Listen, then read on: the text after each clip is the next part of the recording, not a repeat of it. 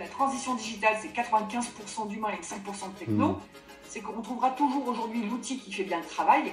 Le plus important, c'est euh, vraiment tout ce qu'il y a autour de l'outil, à savoir quel usage on en fait et de quelles compétences annexes euh, humaines j'ai besoin pour bien utiliser cet outil-là.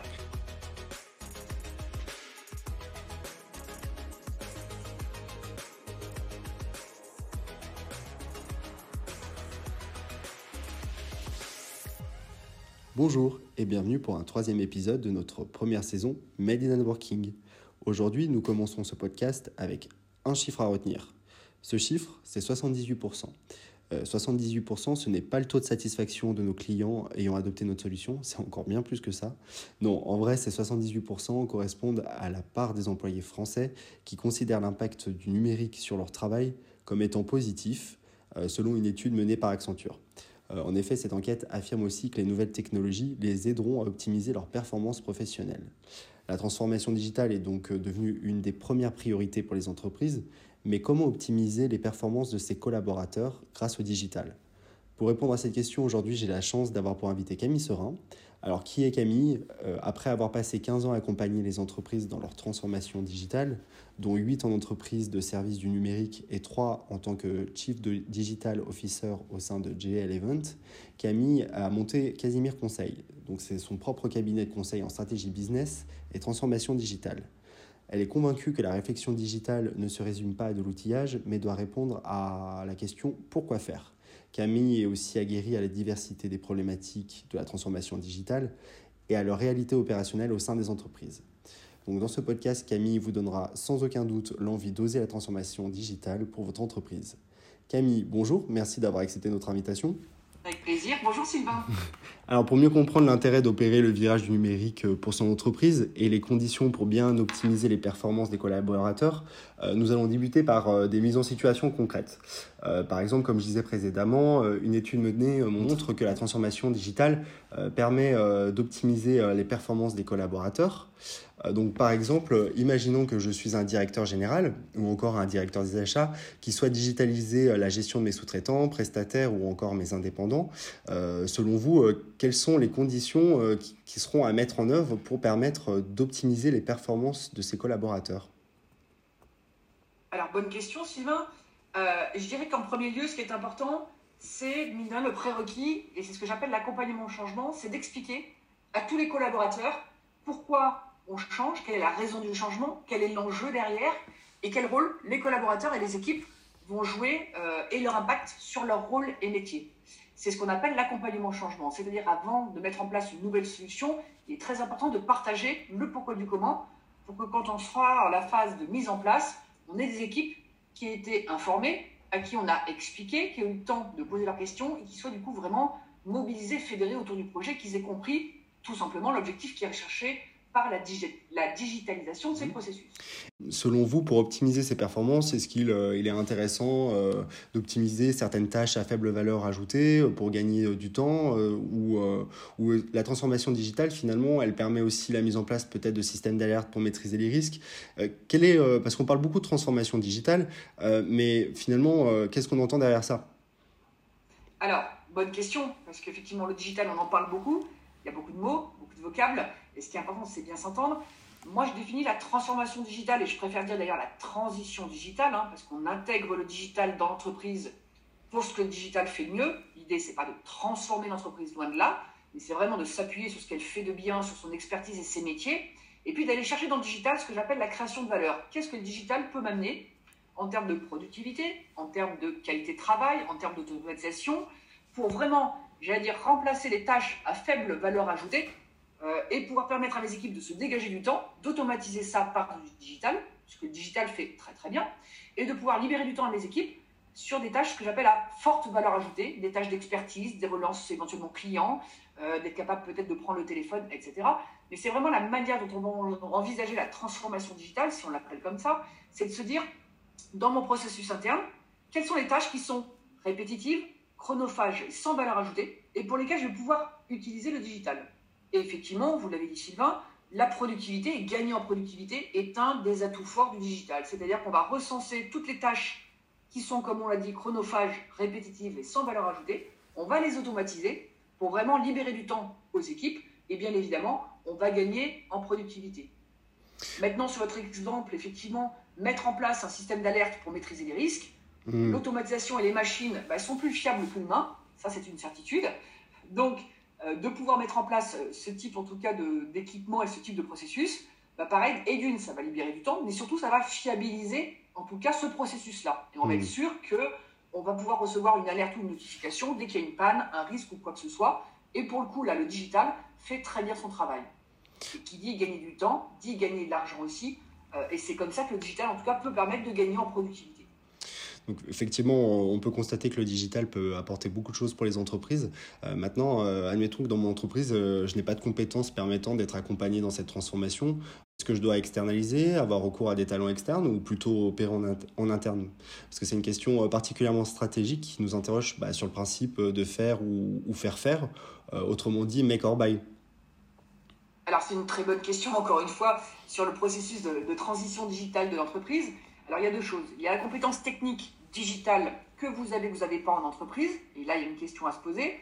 Et c'est important aussi de se poser la question sur est-ce que je sais, moi, entreprise, la manière dont je dois opérer les choses, dans quel ordre je dois faire les choses pour pouvoir mener à bien ces missions-là? C'est ce qu'on disait au tout début de hmm. notre entretien, l'accompagnement au changement. Euh, c'est évident que faire appel à des prestations externes ou à un prestataire externe, ou ce que j'appelle moi un expert consultant, tel que ce que je fais et, tel que le font aussi bien d'autres, ben, ça va vous permettre notamment d'aller beaucoup plus vite, parce que l'expert arrive avec une expérience, avec du vécu, avec des retours d'expérience, il sait les écueils à éviter, et il va vous permettre d'aller beaucoup plus rapidement dans la mise en place de ce type d'outils. Euh, il va vous permettre de, de partager aussi toutes les étapes d'accompagnement au changement dont on a parlé, comment on informe, comment on prépare les équipes, tout ce qui est vraiment décorrélé de la partie technique. Hmm. Et ensuite, sur le déroulé, ben, il va tout simplement être force de proposition sur la manière de faire les choses, l'étape 1, l'étape 2, l'étape 3, pas uniquement sur la partie technique, mais aussi sur la partie d'information en amont, sur la partie de formation des collaborateurs, sur la partie mise en place de l'outil. Euh, et c'est sûr que l'externalisation est beaucoup plus pratique, mais surtout, ce serait dommage de se passer d'expert en externe qui pourrait vous accompagner euh, si vous n'avez pas les compétences en interne. Ça va vous faire gagner du temps. Donc, qui dit du temps dit bah, avoir des projets qui vont se mettre en place beaucoup plus rapidement, des processus de digitalisation qui vont pouvoir être euh, mis en œuvre, euh, pareil, assez rapidement. Mais du coup, tout ça, c'est tout simplement du temps et de l'argent. Et surtout, ça va vous permettre d'avoir un déroulé extrêmement fluide, mmh. de ne pas avoir de résistance et pour le coup, ça, c'est une solution qui est assez bonne, effectivement, de faire appel à l'externe.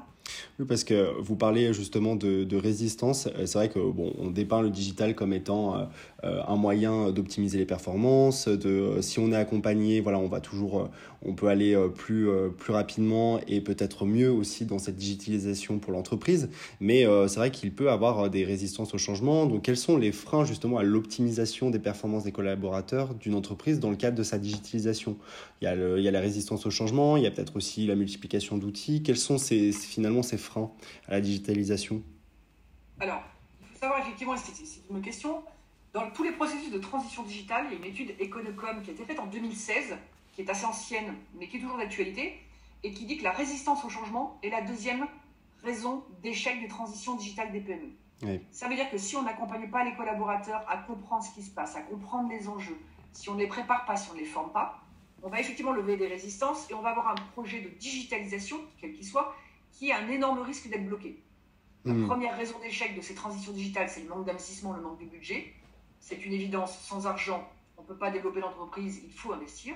La deuxième raison, c'est la résistance au changement. Ça veut dire que si on ne traite pas ce que j'appelle moi l'aspect humain de la transition digitale, et on est bien loin de l'aspect technique, on va avoir des résistances au changement, on va avoir des équipes qui ne vont pas comprendre où aller, on va investir dans des outils, mais comme les équipes, n'ont pas compris ou n'ont pas adhéré au projet, il y a un risque que l'outil en lui-même ne soit pas mis en place, ou s'il est mis en place, ne soit pas utilisé.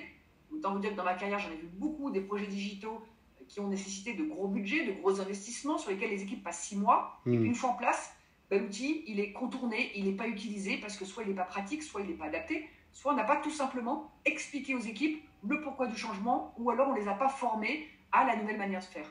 Tout ça pour vous dire que la transition digitale, c'est des outils, mais au-delà de l'outil, c'est une nouvelle façon de fonctionner. C'est une nouvelle façon de travailler autour de ces outils-là.